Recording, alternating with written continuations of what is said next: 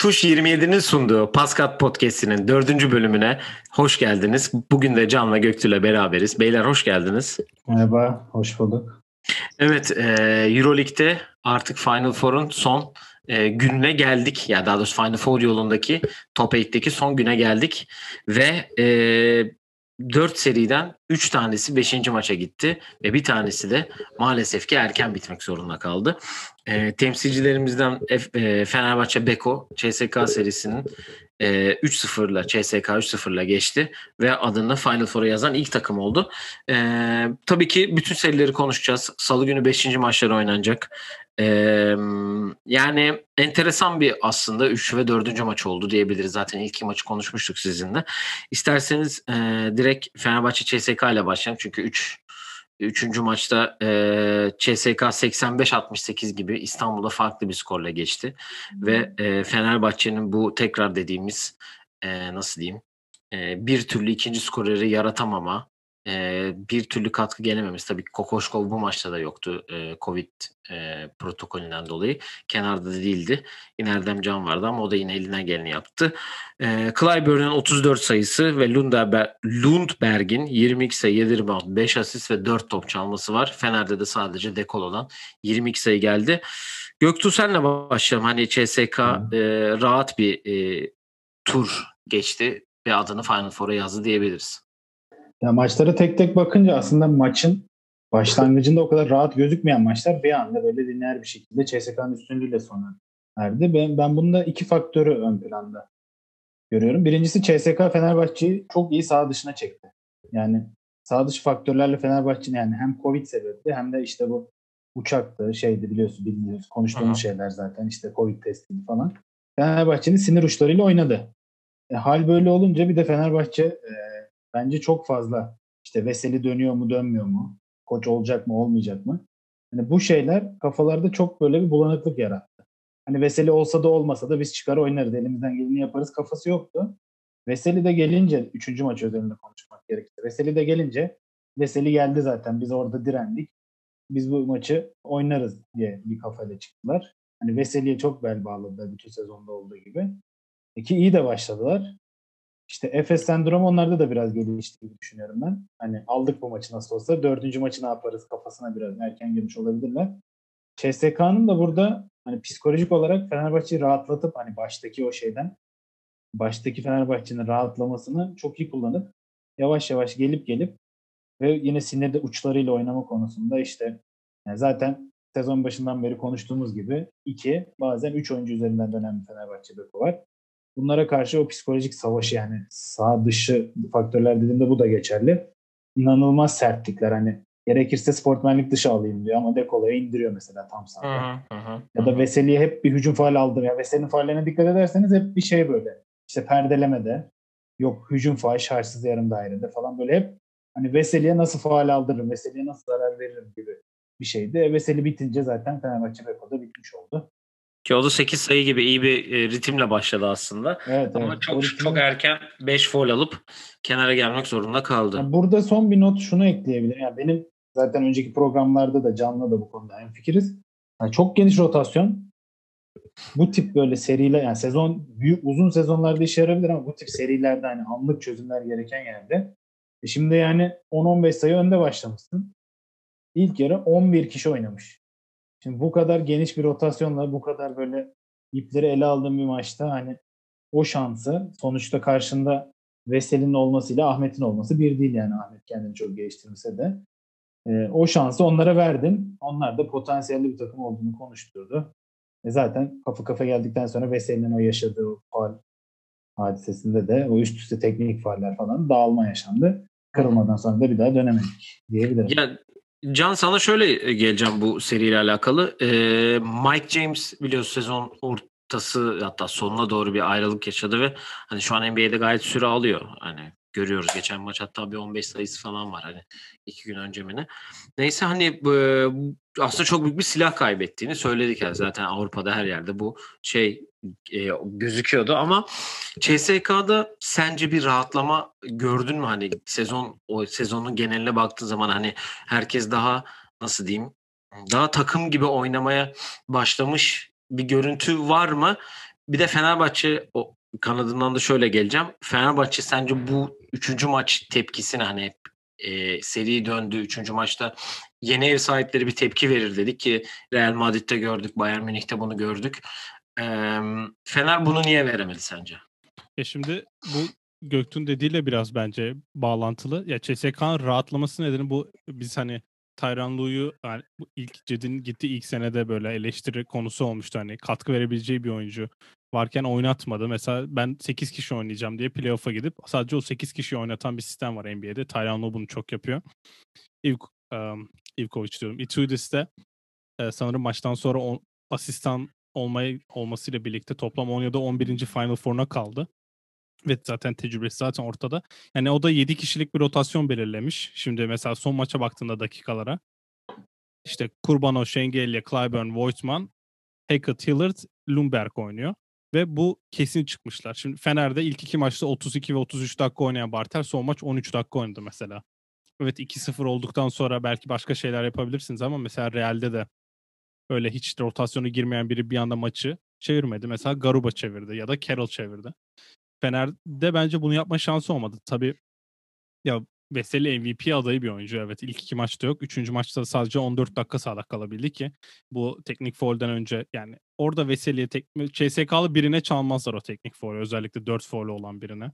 Ki çalınan hücum foul ayak yarım dairenin içerisinde. Öyle bir hücum foul yok. Ben zaten havada havadaki adama adamın altına giren ve çalınan hücum foul'lere inanılmaz karşıyım. Ya mesela Milano maçında izlediler ayakları. Veseli de dört dedi. Niye izlemediler? Mesela öyle şeyler de oluyor. Sonuçta bir foul'e denk geliyor ikisi de. Ya Fener'de rota, belli bir rotasyonun çıkılsa işte 7 kişi 8 kişi Veseli geldiğinde de e, ekleyeceğiz diye bir rotasyon çıkmadı. O zaten bu maçta da belli oluyor sürelere baktığımızda. Tarık Biberoş 22 dakika, Ahmet 11, Okuyun 11 yani Okuyun işte geldiğim günden beri Ahmet'ten daha fazla oynamıştır diye tahmin ediyorum. Ahmet'le aynı süre oynaması biraz değişik geldi bana mesela. Ama Fener'in tabii yani dedi senin de dediğin gibi sadece Guduric'den on, Dekol'dan 22 sayı alınca başka sayı atma şansı da olmuyor. Skora baktığında belki 3. çeyrek 27-11 o Veseli'nin kaosuyla Veseli'den doğan kaosla fark açıldı da devre 5 sayıydı. Fener 12-0 başladı. Belki erken bakma olmuştur biraz ama yani Real'de mesela 17-0 başladı. Sonra ama maçı kazanmayı bildi. Bir tepki, bir bir geri dönüş olmaması üzdü. Yani Veseli kalsaydı bence bu maç daha bu seri daha uzardı gibi geliyor. Çünkü neler yapabildiğiniz 14 dakikada da gördük. 8 sayı 3 rebound. Ve yani üstüne oynadılar. O sinir uçlarına dokundu dedi. Direkt bu, bu sefer Dekolo değil direkt Veseli'nin üstüneydi ki e, Dekolo bile en sonunda sinirlendi böyle sert fauller yapmaya başladı. O da e, CSK'nın en iyi yaptığı işlerden biri. CSK olarak e, Mike James o konuda. Ya Mike James gitti ama şöyle bir şey var. Şimdi Mike James'in bu takım bozduğunu zaten herkes biliyordu. Bu arada demir rotasyonda saydığım oyuncular da hani B sınıf ya da C sınıf oyuncular değil oynanan 7 kişi. Şu an gidecek her playoff takımında büyük rol alabilecek oyuncular. E, Mike Lumberg e, Mike James'ten sonra geldi yanlış hatırlamıyorsam. E, öyle bir oyuncunun da gelip yerine aldığın adamı 22 sayı 7 rebound 5 asist yapması zaten inanılmaz bir olay. Bir de şimdi Mike James gitti. Evet o yıldızları yok ama bence Hackett bu mesela son maç 3 sayı 5'te 1 atmış ama bütün serinin temposunu, bütün seride ne oynanacağını tamamen kontrol eden oyuncu oldu. Ve Clyburn gibi bir oyuncu zaten ilk maç Pierre'in olmamasıyla ki Pierre olduktan sonra iki maçları çok iyi oynadı. 34 sayı bu maç. E uzunlar da Şengelya'da ilk maçtan sonra hatırlayın kendisine çok sinirlenmişti. İkinci maç triple double yakın bir performans. Bu maç böyle. Yani Mike James gitti askerler kazanıyor demek istemiyorum. Çünkü bu oyuncular zaten asker yıldız oyuncular yani. Asker seviyesinin üstünde oyuncular. O yüzden Mike James'in gitmesi çok bir şey onlar yani. Bu Kyrie Irving için konuşulan hani 4 kişi basketbol oynuyor. Kyrie başka bir şey oynuyor. Onu da Mike James Avrupa'da yapıyordu. Şimdi onun gitmesi takımı daha oturttu bence. Takım oldular yani direkt. Evet Fenerbahçe maalesef bu turda veda etti ve önümüzdeki senenin planlarını zaten e, ilerleyen bölümlerde e, konuşuruz. Ne gibi şeyler bekliyor Fenerbahçe'yi. Hem şu an ligde gel lig playoff'ları da başlayacak. Artık Fenerbahçe'de e, hedef kesinlikle lig şampiyonluğu olmalı. Basketbol e, açısından. E, diğer bir temsilcimiz Efes'e gelelim. Yani Efes e, maalesef ki 2-0 gitti Madrid deplasmanından. E, iki tane birbirinin kopyası denebilecek şekilde kaybediliş şekli anlamında hani maç olarak değil ama kaybediliş şekli birbirinin kopyası şekilde iki maçı da kaybederek seri 5. maça İstanbul'a taşındı. Salı günü oynanacak maç. Yani e, iki maçı da izledik. E, tabii siz de izlediniz. Aynı skorlar neredeyse. Hani üçüncü maç 76-80. İkinci, e, dördüncü maçta 76-82. Yani inanılmaz bir şeydi ve ikisi de e, dördüncü periyotlarda verilen biri 19-2 olması lazım ilk maç. Yanlış hatırlamıyorsam. Ee, evet, ikinci ma- e, dördüncü maçta 20 kaçta en son? 4. 23-4'lük bir seri verilerek maç kaybediliyor ki sen de demin söyledin Can. Dördüncü maçı 17-0'la başlandı. Yani ilk maç Mitchell'in 29 sayı 6 asistlik bir performansı var. Ee, diğer tarafta e, Sergio Llull bir Houston Rockets transferi daha gerçekleştirecek bir performans sergiledi. Asla gerçekleşmedi. E, 20 sayı 7 asistle oynadı. İkinci maçta da Beboa'nın 23 ve Larkin'in 22 sayı 8 asisti var. Ama e, Madrid cephesinde Garuba'nın 24 sayı 12 rebound ve J.C. Carroll'ın 40 yaşındaki J.C. Carroll'ın 20 sayısı var. Yani Can bu sefer senle başlayayım. Hani bu yani bilmiyorum nasıl ne ne anlatılır ne söylenir. İki tane hani ilk maçı kaybettin böyle bir şekilde. Hani ikinci maçı ikinci maçta o yani deplasmanda oynayacağın ikinci maç için düşündüğün zaman dersi ki ben ne yapmamalıyım? Aynı aynı hataları yapmamalıyım ama aynı hatalar yapıldı ve aynı şekilde dördüncü maçta kaybedildi. Sence bu Efes'te yani beşinci maç için bir ritim düşürür mü yoksa bu iki maç aslında Efes için bir tokat manasında gelip iyi olduğunu düşünüyor musun? Ya üçüncü maç bence öyle olmalıydı. Çünkü hani evet 23-4 seri verdik. Ee, şanssızlık hani ilk kez böyle bir farktan maç veriyoruz. Ben zaten e, ilk seri değerlendirmesi yaptığımızda Efes'in 90 sayı ortalamayla oynadığını ve o maçların çoğunda kazandığını söyledik. İki maçta da 90'a ulaşamadılar. Ve Efes'te farklı öndeyken topu potaya atmak yerine süreye oynama işi genelde yani Göktuğ da bilir koç olduğu için de o da. Bu süreye oynama işleri bir yerde sizi avlıyor çünkü ritim, tempo, set, set temposu hiçbir şey kalmıyor ki Efes'te de bunu gördük. Yani Garuba ile switch yapınca top potaya atamıyorsunuz. Onu anlamış olmaları lazımdı bence 3. maçta. Ama ya hücum anlamında bu işte süreye oynayalım 24'ü yiyelim, step back 3 atalım ya da contested 3 atalım. Bunların hiçbiri olmadı. Ondan sonra savunmaya geldiğinde işte J.C. Carroll'ın screen'den çıkışını savunamadı. Efes niye bilmiyorum. Bence burada üçüncü maç özelinde diyecek bir şey yok. Üçüncü maç evet belki şanssızlığa işte Mitch için e, iyi oynamasına rağmen Larkin'in kaybolmasından özellikle savunmada yaptığı birkaç hatadan dolayı. Aynı hataları dördüncü maçta mesela Miçic yaptı. Genellikle Real'in maçı, maçta öne geçiren üçlüklerinde iki oyuncunun da büyük hatası var. Ama dördüncü maç bence inanılmaz yani bu şanssızlıkta hatayla bütün takıma yazacak bir mağlubiyet bu iki gün önce başına gelmiş işin aynısını yine hiçbir şey hücumda yani Ergin Ataman bir hücumu var işte forvet up verip pot altında guard'ın screen yapıp post up yoksa yukarı çıkıp pick and roll oynadı. Öyle hiçbir şey oynanmadı. Tepede pick and roll birebir oynayalım. Yani Moerman'ın girmesi tamamen bir 10, 10 sayılık farkı tamamen eritti. 2 sayıya gitti. Ya şimdi 2 sene önceki Barcelona maçına baktım ben. 5. maç İstanbul'da oynanan. Mesela o maç kazanıldığında Moerman 18 sayı atmış ve muht yani iyi oynamış diyebiliriz. 13'te 13'te 7 saha içi isabeti var. Miçic 10 sayı 10 asist. Larkin 18 sayı. Şu performansa ben mesela Moerman'ın 18 sayı atabileceğine inanmıyorum. Ne yazık ki. Efes için de çok kötü bir haber bu.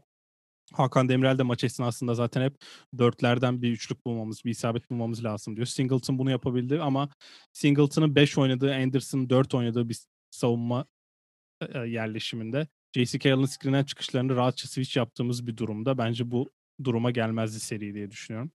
Beşinci maçtan beklentim Efes bence aynı şekilde oynayacak. 17-0 başlamaz maç. Ben Efes'in böyle yine önde götürdüğü sonlara doğru ya maçın böyle başa baş gelip Efes'in kazanacağı ya da Efes'in artık fişi çekmek için e, fark atacağı bir maç bekliyorum. Çünkü Real'in de bence artık kozu bitti. Çünkü artık her şeyi yaptılar.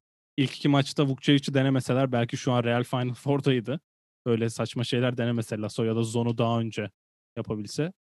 Ama 5. maçı artık oynayacak koz kalmadı gibi geliyor bana. Ama 40 yaşında 4-5 kişinin oynadığı takıma da eğlenirse Efes için yazık olur yani. Yani e, Tavares'e yoktu iki maçta da. Yani dediğin gibi iki, yani iki gün önce aynı şekilde maçı kaybetmişsin. Dördüncü maçı da aynı şekilde kaybediyorsun. Orada Tavares'in olmaması net Yarıyor yani. Oldu. yani bayağı Garobo'yu yarıyor. 5'te yani. görmek Garobo'yu 5'te gördük ve domine etti.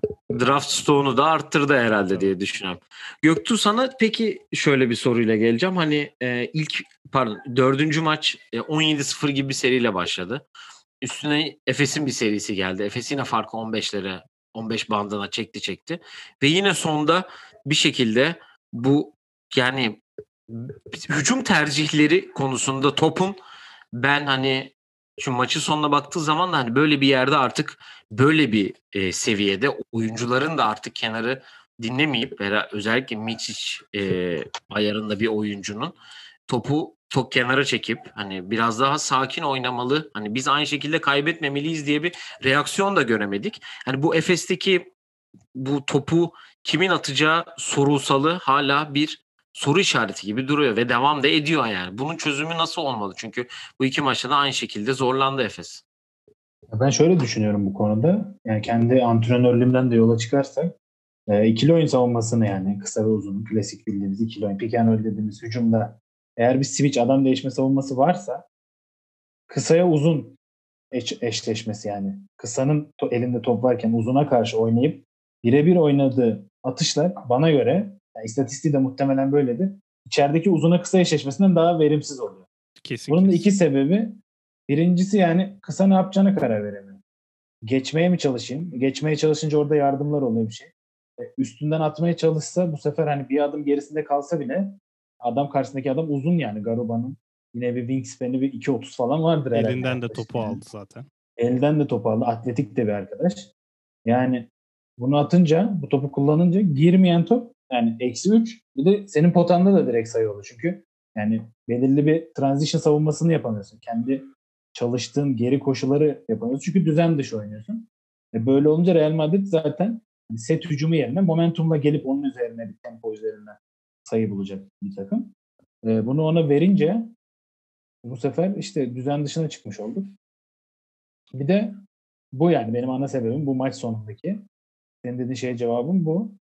E, topu kim paylaşacak sorunu ciddi bir sorun bence. Yani ben maçı izlerken hani eminim ki biraz da oyuncu psikolojisinden anladığımı düşünüyorum. Yani Mistic ile Larkin yani aralarında problem var demiyorum ama çok böyle birbirlerini böyle biri yere düşse o koşa koşa onu kaldırır, öbürü ona gider. Böyle bir arkadaş değil, böyle bir yakınlıkları yok. Evet kötü değil araları ama böyle hani birbirleri için inanılmaz yani bir takım arkadaşlıkları yok bence ve hani alttan alta birbirlerinin iyi oynamasından rahatsızlık duyuyor Final Four'a ben yani. taşıdım. Final Four'a ben taşıdım rolünü çalmak istedikleri çok belli zaten kullanılan Yani. topardan da. Ya ben Göktuğ'a şöyle bir şey sorayım bu arada. Aynen iyi ki Boba var. İki maçı da çok iyi oynadı. Göktuğ'a şunu sorayım. Şimdi Sertaç'ı o 17-0'lık seride tamamen kesti ve bir daha oyuna sokmadı. Ama Moerman'a şans verdi. Dansın çok iyiydi. Şimdi orada o seri verilirken Dansın 33 dakikaya yakın bir şey oynamış olması lazım. Tekrardan bakayım. Ee, evet Dansın 34 dakika oynamış 8 sayı. Ee, şimdi orada sence Dansın'ın kaldığı hani biz sayı yemeyelim de zaten onlar gelemezler taktiği mi Evet. yoksa bizim sayı atmamız daha önemli. Farkı biraz daha açalım yapıp atıyorum. Singleton, Anderson beşlisine mi dönmek daha mantıklı? Çünkü onlar da dört kısaya döndü yani. Ya ben bunu şöyle sorayım yani cevabı bir soruyla vereyim ben sana. Normal sezonda bu tip olayları Sertaç'la bitirdik. Ne zaman kaybettik Sertaç'la bitirdiğimiz maçları Doğru. diye bir soruyla geleyim. Yani koruma için yani bu maç ben eminim Real Madrid maçının son 7 dakikası yani normal sezon maçı olsaydı muhtemelen maç 25-30 sayıyla biterdi. Bu koruma içgüdüsü biraz yani Efes'in oyuncuları çünkü koruma içgüdüsüne yani yatkın bir kadro değil. Yani Larkin'i bağlasan durmaz. Mitsic aynı şekilde. E bu sefer e bir de tempo oyuncuları. Yani koruma içgüdüsü çok iş yapmıyor burada. Evet zaten Ergin Barbaros'un Ataman'da da yok bence. Ergin Ataman kariyerinde oynadığı tek koruma maçı Euro Cup kazandığı seneki Euro Cup finalinin ilk maçı herhalde deplasman maçı. Evet.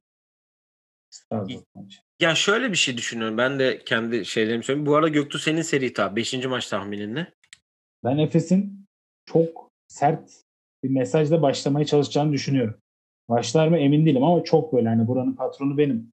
Kafasında başlayacak. Eğer bu ters teperse Real Madrid direnç gösterirse 3-4. maçlara benzer bir maç izleriz.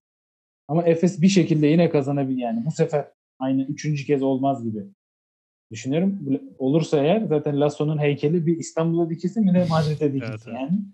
Ee, ama o başlangıcı yapabilirse ilk iki maça yakın. Böyle en son yine Ertenlerin, Buğra'nların gireceği bir maçla Final Four kutlaması Ben olabilir. masaya baştan yumruğun vurulacağı taraftarıyım. Ben Sanırım Euroleague tarihinde hiç deplasman takım 5. maçı kazanmamış zaten. Yok ya. Ya da bence. ya 2-0'dan seri dönmemiş pardon. 2-0'dan 2-0'dan dönmemiş. 3-2 olmamış. Yani ben tahmin demin yaptım da şöyle bir beklentim var benim. Ee, başta Ergin Ataman şimdi 3. ve 4. maçta bu hani bizim hep Mike D'Antoni'yi ezdiğimiz adjustment yaptı mı yapmadı mı? Ona karar veremedik bence. Bu maçta başka bir şeyler denerken yine saçma bir skorla ve krize girerse Efes'in yani Efes bence izleyenlere krize girerse bu takım maçı kazanır havası vermiyor. Yani bana vermiyor şahsen. Güven vermiyor. Size veriyor mu güven? Hani berabere gidecek maçı atıyorum uzatmada kazanacak havası hiçbirimize vermiyor bence. Ama Efes kazanırsa farklı olabilir Real'den. Ya Rudy Fernandez'den ben bir şeyler bekliyorum. Bunu da söylemiş olayım. Rudy Fernandez'in böyle efsanevi uçtuğu bir maç daha olmadı. Bir kurşunu, on, bir onun kurşunu kaldı bence Real'de. Bir önceki yayınımızı dinlerse bizim oyun planı yayınını bence orada konuşulu, konuşulan şeyleri dinlerse herhalde yapar diye düşünüyorum. Ee, şöyle diyeyim ben bu masaya yumruğu vurup bir Efes'in vurup geçeceğini düşünüyorum bu arada. Hani Ben bundan- bir de geçerse de şunu ekliyorum. Öldürmeyen her şeyi güçlendirir diyorum. Bu iki maçtan iyi bir ders alınmış ve Final Four'a öyle gidilir diye umuyorum. Ben de inşallah aynı kanattayım. Ee, tek şunu söyleyeceğim ben Ergin Ataman'la ilgili. Ergin Ataman'ın burada hani tabii ki ona yapacağı şeyi asla kimse söyleyemez hani bu şeylerde de hani ben olsam onun yerinde e, böyle bir iki maç geçirdikten sonra tabii bütün takımı İstanbul'da karşıma alır toplar konuşurum. Bunu size de yazmıştım galiba mesajda. Hani karşıma alır oturur konuşurum beyler nedir sorun hani anlatın. Çünkü biz şampiyonluğa gidiyoruz kazanmamız gereken bir şampiyonluk var. Hani oyuncuları motive edecek şekilde bir konuşma yapmak hani daha iyi olur diye kendi açımdan ben düşünüyorum. İnşallah kazanır ve takımı Final Four taşıyıp CSK'nın rakibi alabilir. Tabii. Çok kısa bir soru. Ee, sizce Moerman Madrid'de kaç sayı atmış 3 ve 4. maçlarda toplam? 4 falan mı? 3 mü? Sıfır. Oo. Bunu da dipnot olarak. Ben Kendisi yayınımızı zaten izliyorsa Bizi eminim izleyip dinliyordur. Ee, o zaman diğer seriye geçelim. Ee, bizim karakolda bitecek serimize geçelim isterseniz. Milano, Bayern Münih. Çünkü e, seri Münih'e geçti ve Bayern Münih bayağı çekirgeyi aldı. 2, 3 sektire sektire tekrar seriyi Milano'ya taşıdı. Ee, ilk maçı 79-85 ile geçti Bayern Münih. E, Lucic'in 27 sayısı var. E, diğer tarafta Delaney'nin 18 sayısı var. Be- dördüncü maçta ama bütün maçı neredeyse Milano önde götürdü. Önde götürdü. Götürdü götürdü ve en sonda Paul Zipser'ın yaptığı iki put, e, ya putback demeyeyim de bayağı poster smacından sonra değişik bir havaya girildi. Ve e, maçı 85-82 serinin hatta en skorlu maçı oldu. Bu da 85-82 ile geçti ve Delaney'nin 28, Shields'ın 17 sayısı Milano için yeterli olmadı ama Wade Baldwin'in 18, Paul Zipser'ın 16 ve Lucic'in 12 sayısı var. Yani bu seri ortada. Kim ne derse desin şu an ortada. Tek maç ve e, evet Milano çok iyi oyuncular var bel, belli ama e, Bayern Münih'te de böyle tek maçta şov yapıp bu seriyi alabilecek e, oyuncular da var. Yani Göktuğ senle başlayalım bu sefer. Senin bu e, karakol serimiz hakkında e, düşüncen nedir? Onu Esin hocam görelim. bir kere bizi haksız çıkardı. Kendisine teşekkürlerimi sunuyoruz. Ee, CV'yi ilk maç bıraktı. Orada unuttu herhalde kart viziti diye düşünüyorum. Kart vizit sahada iki, ilk Ben iki bunu- sahada kalmış. Ben Unutmuş. bunu çizdim tamam dedi herhalde. Bitirdim dedi o son toptan sonra. Ee, burada diyeceğim şey yani Bayern Münih'in o yani Trinçeri'nin dördüncü maçtan sonraki röportajı biraz durumu özetliyor. Hani eğer comeback yapıp maçı ilk kez e, işte 20 saniye kala top çalıp üstüne basket faul bir smaçla kazanıyorsak biz ya deliyiz ya da mükemmel çalışan bir makineyiz gibi yani buna yakın bir şeyler Evet, evet. söylemiş. Yani bu işte bu Bayern Münih'in hani amatör ruh ve %100 mücadele. Hani Galatasaray'ın bir mottosu vardı. Son topa kadar şeklinde bir mottosu vardı. Hani o motto ile ilerleyen bir Bayern Münih. Gerçeği Ki var. 8 takım arasında bunu yapan iki tane takım var. Biri Bayern Münih, biri de Zenit olarak görüyorum bu arada. Hani Kesin. birazdan o kesin. konuya geleceğiz zaten. Ama Zenit'in bütçesi Bayern Münih'e göre çok yüksektir diye tahmin ediyorum. Evet evet. evet. Bayern Münih Yani yine de farklı. mücadele anlamında Evet, ikisi de bence yakın yerlerdeler. Evet. Yani Bayern Münih peri masalı yazmaya devam ediyor. Hani bu saatten sonra hani bu 2-2'ye getirmesi benim için yani sürpriz sayılabilir bir şeydi. Şu an seri her şeye açık. Bence de her şey açık. Beşinci maç ne olacağı hiç belli değil. Milano kırılgan bir yapı yani. Kırılganlıklarını ben playoff'ta unuturlar demiştim hani. Bazı şeylerin önüne geçer Messina hocam demiştim ama onların da halledemediği problemler var. Zaten hani bir Efes, bir Barcelona gibi ağır favori değil.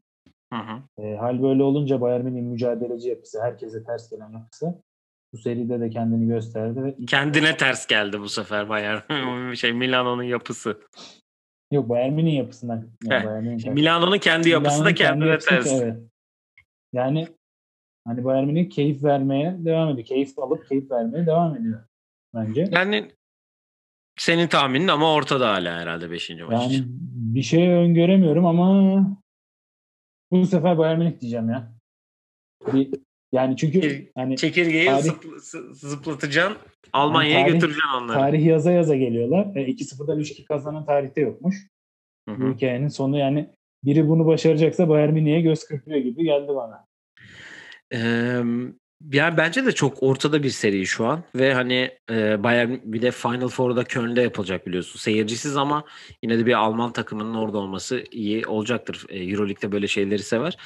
Can sana şöyle geleceğim hani e, iki- özellikle dördüncü maçı yani ilk maçla ilk maçta bir son top çizildi ve oynandı. Biz dedik hani kart vizit sahanın ortasında gidip herkes alıp bakabilir. Ama e, dördüncü maçın sonunda çok kötü bir tercih çok kötü bir hücum.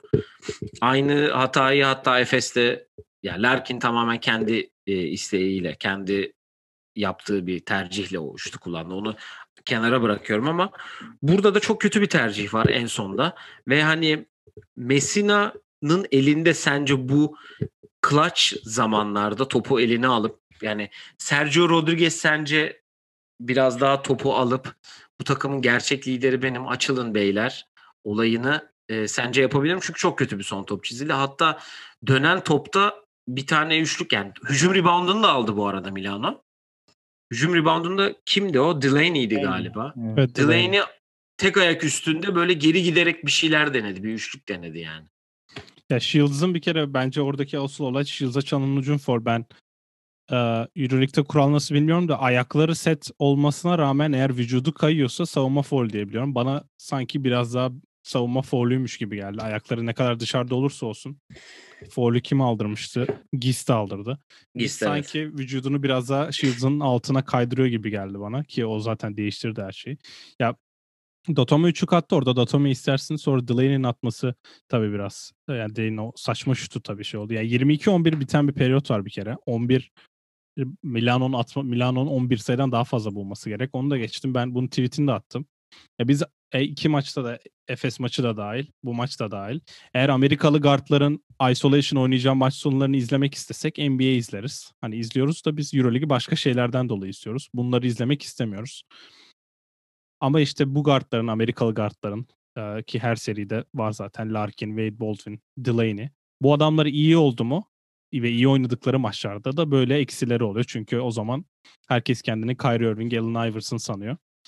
Ama işte yani Delaney bakıyorum yine 28 sayı attı. Nereden baksan çok iyi gözükse de maç sonları kararlarını başkası veremedi. Çünkü Delaney iyi olduğu için. Ama adamlar geldi maçı kazandı. Burada ben se- e, serinin başında e, çok beklentimin olduğu bir bu sene sakatlıklardan dolayı çok bir şey yapamasa da Michov'un bir ara ağırlık koyacağını ve alabileceğini düşündüm. Onun son kuruşun son kuruşunda son maçta sıkacağını söylüyorum. Seride şu ana kadar 12 sayısı var. Son maç sayı atmamış.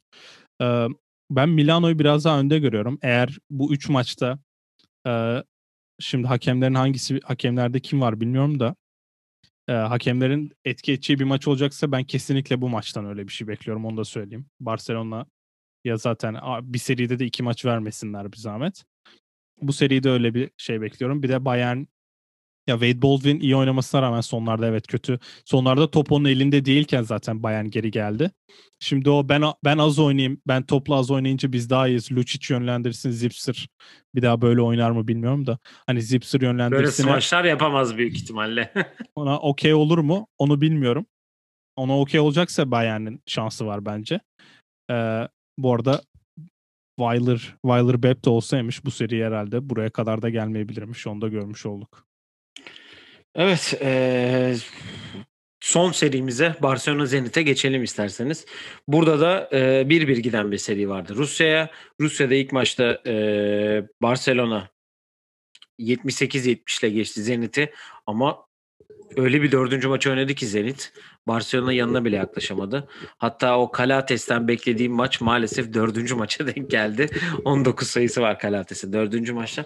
Üçüncü maçta Brandon Davis'in 22 sayı 8 reboundla maçın kazanılmasına çok büyük bir e, etkisi var. Diğer tarafta e, Baron 19, Poitras 14 sayı Pangos'la beraber. Dördüncü maçta da Corey Higgins 13, Kalates dediğim gibi 19 ama tabii ki Zenit'te de Pangos'u 22 sayı 8 asist Poitras'ın 12, Tariq Black ve Hollins'e 11'er sayıyla oynadılar. Yani özellikle dördüncü maçta Barcelona hiçbir varlık gösteremi. Hiç varlık gösteremesini geçtim. Alex Abrines ilk 5 zaten başladı. Orada ben zaten bunu e, Can, Can sana yazmıştım galiba. Evet, evet. Bu maç büyük ihtimal ilk seri 2-2'ye gider. Bu arada bu üç serinin de oynandığı günün e, akşamüstü gibi ikinizin attığı bir e, mesaj var. Bunu da burada ifşa ediyorum. Bu akşam bu seriler biter deyip 3 seriyi de uzatarak gerçekten Buraya mübarek mübarek ağızlarınızı açarak Buraya e, ekran görüntüsü istiyoruz. Evet evet. Buraya koyayım. Ekran görüntüsünü mesaj olarak koyarsak sevinirim. E, onu da küçük bir dipnot olarak geçeyim. E, tabii ki burada Pangos olduğu için Göktuğ'dan başlamazsam ayıp olur diye düşünüyorum. E, ya Barcelona tabii ki favori 5. maç için. E, ama e, Poitres'ın iki maçta çok iyi oynadığını söyleyebilirim. O, özellikle onun iyi oynadığını e, dikkatimi çeken isimlerden biriydi. E, yani Pangos son bir şarkı söyler mi diyeyim direkt sana. Yani bir baba olarak evladıma İnşallah söyler diyorum. Arkasındayız kendisinin.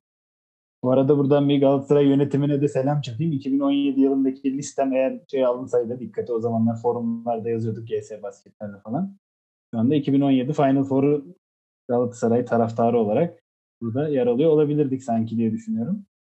Kevin Pangos öngörüm. Her geçen gün beni güçlendiriyor. Vanamaker Pangos'tu bir de yazdığın rotasyon bir de bayağı iyi. Tice. Yani üç. üç adam. Ama o sene Euroleague oynadı yani. Brose evet. baskette oynadı. Gelebilirdi yani. Şu an Can'ın takımının en iyi oyuncusu aman sahadaki hocam, dün gece. Seninki takım mı ya? Onu bir ya sorma. Ay, orayalara girmeyelim abi. Evet o oyun planının konusu. evet. O pazar salı akşamı sizinle olacağız. Merak etmeyin o konuda. Ben şeye geleyim, evet. Barcelona'ya geleyim. Angos'a gelelim. Barcelona'ya Barcelona. mı geleceksin? Barcelona'ya yani karışık. Ee, pembe panterler Barcelona. Rusya'da pembe pembe giymişler formaları. Yine 5 tane arkadaş sağda, 7 tane arkadaş bench'te. Başlarında takım elbiseli bir tane arkadaş. Yani kimse ne oynadığını anlayamıyor bu takımın gerçekten. Bir şeyler yapıyorlar, bir şekilde kazanıyorlar, kaybediyorlar. Sürekli faal atıyorlar, sürekli serbest atıştalar. Bir kaos hakim.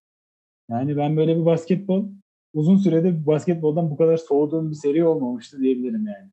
Evet yani Top 8'in en kötü serisi gibi gözüken. Yani 3-0 bitseydi belki 3-0 bitseydi belki bu kadar aslında eleştirmeyecektik. Yani e, Brandon Davis'e yazık oluyor diyebiliriz. NBA kontratı alabilecek performansları sergiliyor resmen sahada. Ama öyle bir dördüncü maçı var ki yani o da dedi ki baba ben aldım bir iki tane. Bir tane de zahmet olmazsa siz alın. Kaybettiğimde de elimden geleni yaptım yani dedi. Ama siz beceremediniz. O durum oldu. E peki Can sen bu Saras hakkında birkaç şey söyleyeceksin diye düşünüyorum herhalde. Ya ben zaten geçen yıl da sert e, dalmıştım diyebiliriz Saras'a. Şimdi ona baktım. Wikipedia'da tabii günler kesin değil de Saras geldikten 3 gün sonra Pangos'la yollar ayrılmış. Ee, yani Wikipedia'da öyle yazıyor da ben herhalde tahmini daha yani Pangos'un daha önce ayrıldığını düşünüyorum Saras'tan. Ki e, hani öyle bir şey olsaydı zaten kendi oyuncusuydu. Pangos'un gitmesine izin vermezdi gibime geliyor. Ben size şöyle bir soru soracağım. Bu taktiği biz e, Wisconsin'le oynar, Wisconsin Badgers oynarken Ethan Happ varken pivot olarak Nigel Hayes'e yapmıştık. O dönem %19'la falan üçlük atıyordu. Nigel'dan double team'e gelmiştik ve e, ilk üç üçlüğünde isabet bulmuştu bize karşı e, sağ olsun. Siz şimdi Kalates bu maç e, kaç sayı atmıştı? Bakıyorum 19, 19 sayı atmış. Beşinci maç sizce Kalates 30 sayı atarsa Barcelona kazanabilir mi? Kazanmaz. Ben sana Barcelona'nın tek e, çıkış yolu Brandon Davis oynayacak abi. Ha, Brandon Davis zaten o aldığı maçta senin dediğin gibi inanılmaz oynadı. 22 sayı 8 rebound. Sonraki maç bir sayı bir sayı atabildi.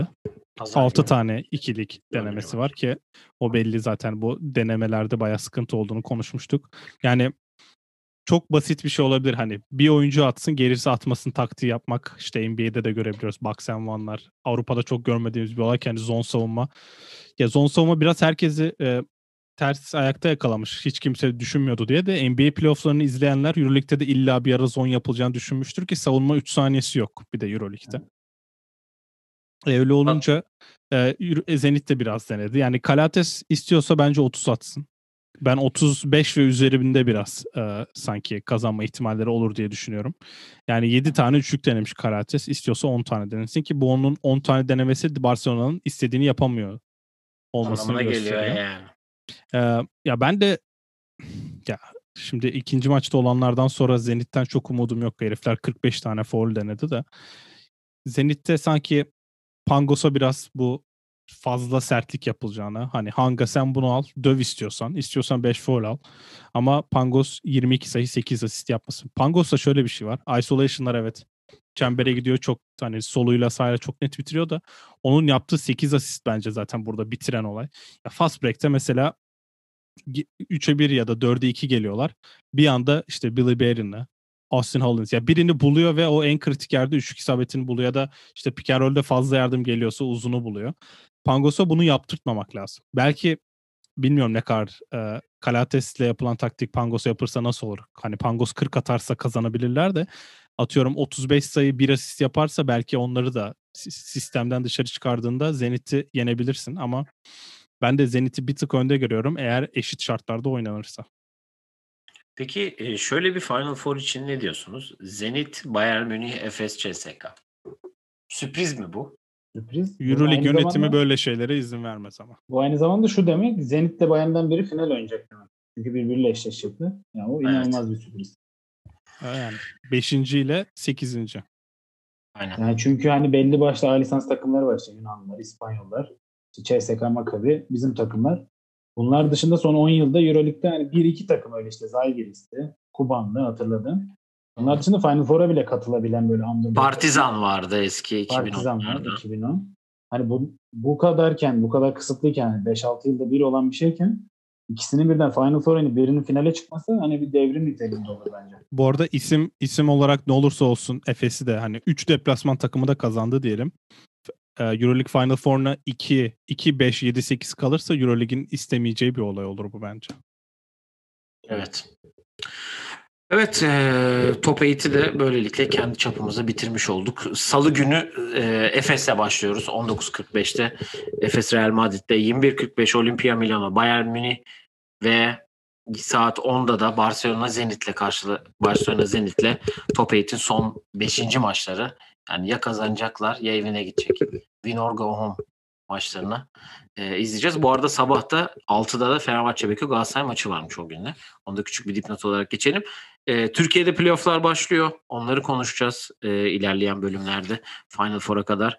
Aynı zamanda Euro Cup'ta Monaco şampiyon oldu. Ve tabii ki e, bir Houston yıldızı olan Rob Gray e, finaller MVP seçildi. Kendisi de sözleşmesini de uzatmış. Yani Houston Üniversitesi'nde okuyup yolu Houston'dan geçip de Avrupa'ya gelip de başarılı olmayan bir Houston'lı oyuncu yok. Bunda hani evet. ben bunda önümüzde çok önemli e, doneler de var bununla alakalı isterseniz de e, bize ulaşarak sunabilirsiniz. Var mı eklemek istediğiniz herhangi bir şey? Biraz hızlı ve e, acele bir yayın oldu gibi. Yok mu şey arkadaşlar eklemek istediğiniz bir şey, bir şey söyleyin. Yönetimini tebrik etmeyi e, bu Ha, evet. heyecan tufanı olan 5. maçları bize aynı anda izletmek zorunda olduğu için Evet. takipçimiz olan Jordi Bartomeu'yu Evet. Kınayalım. ediyorum. İstifaya davet ediyorum. Tamam direkt ben istifaya davet Ya ettim. bir de şöyle bir şey olacak. Bayern Barcelona maçı son maç dedik ya. Zaten ne kadar sıkıcı olduğunu bahsediyoruz. Bahsediyoruz böyle, böyle çok zevk alacağımız iki maç üstüne Barcelona maçı yine o kadar kötü giderse yani bedduaları düşünebiliyorum. Barcelona'nın hakkında. Ya bir de şunu da sormak istiyorum ben size. Yani Real Madrid özellikle Real Madrid Efes 3. maçında ben bunu çok hissettim. Hani bazı bazı maçlar seyircisiz cidden atmosfersiz oluyor da Real Efes 3. maçı tam bir hazırlık maçı kıvamında değil miydi ya? Hepsi öyle abi. Yani Real'in Real'in salonundaki görüntü biraz şey var. Bu seyircisiz olduğunu çok belli ediyor Belli Real'in sahası. Evet. evet evet. Yani bir de böyle Real hani şey modundaydı diye tamam abi 3-0 bitecek modundaydı maçta. E, öyle Tam bir gözüküyor. hazırlık maçı modundayken bir anda Real Madrid Gloria, şampiyonu Gloria havası vardı biraz evet. Ama o kenarda oturan bir e, fashion icon olan Vincent Poirier'e de dikkat etmediğinizi Mangosunu dikkat yerken. geçmeyin. hem mangosunu yerken hem e, güneş gözlükleri hem de o inanılmaz saç stille diyelim. Eklemek istediğiniz başka bir şey var mı? Yok. Peki o zaman. E, TUS27 Podcast, Instagram, Facebook, YouTube, Spotify her yerden bizleri takip edebilirsiniz. Sorularınız varsa yollayabilirsiniz. Konuşmak istediğimizi, seriyle ilgili düşüncelerinizi de bu videonun altına ya da bize sosyal medya hesaplarından yollayabilirsiniz. Bir sonraki yayında Final Four öncesi yayınında görüşmek üzere efendim diyelim. Kendinize iyi bakın. Hoşçakalın. Hoşçakalın. Hoşçakalın.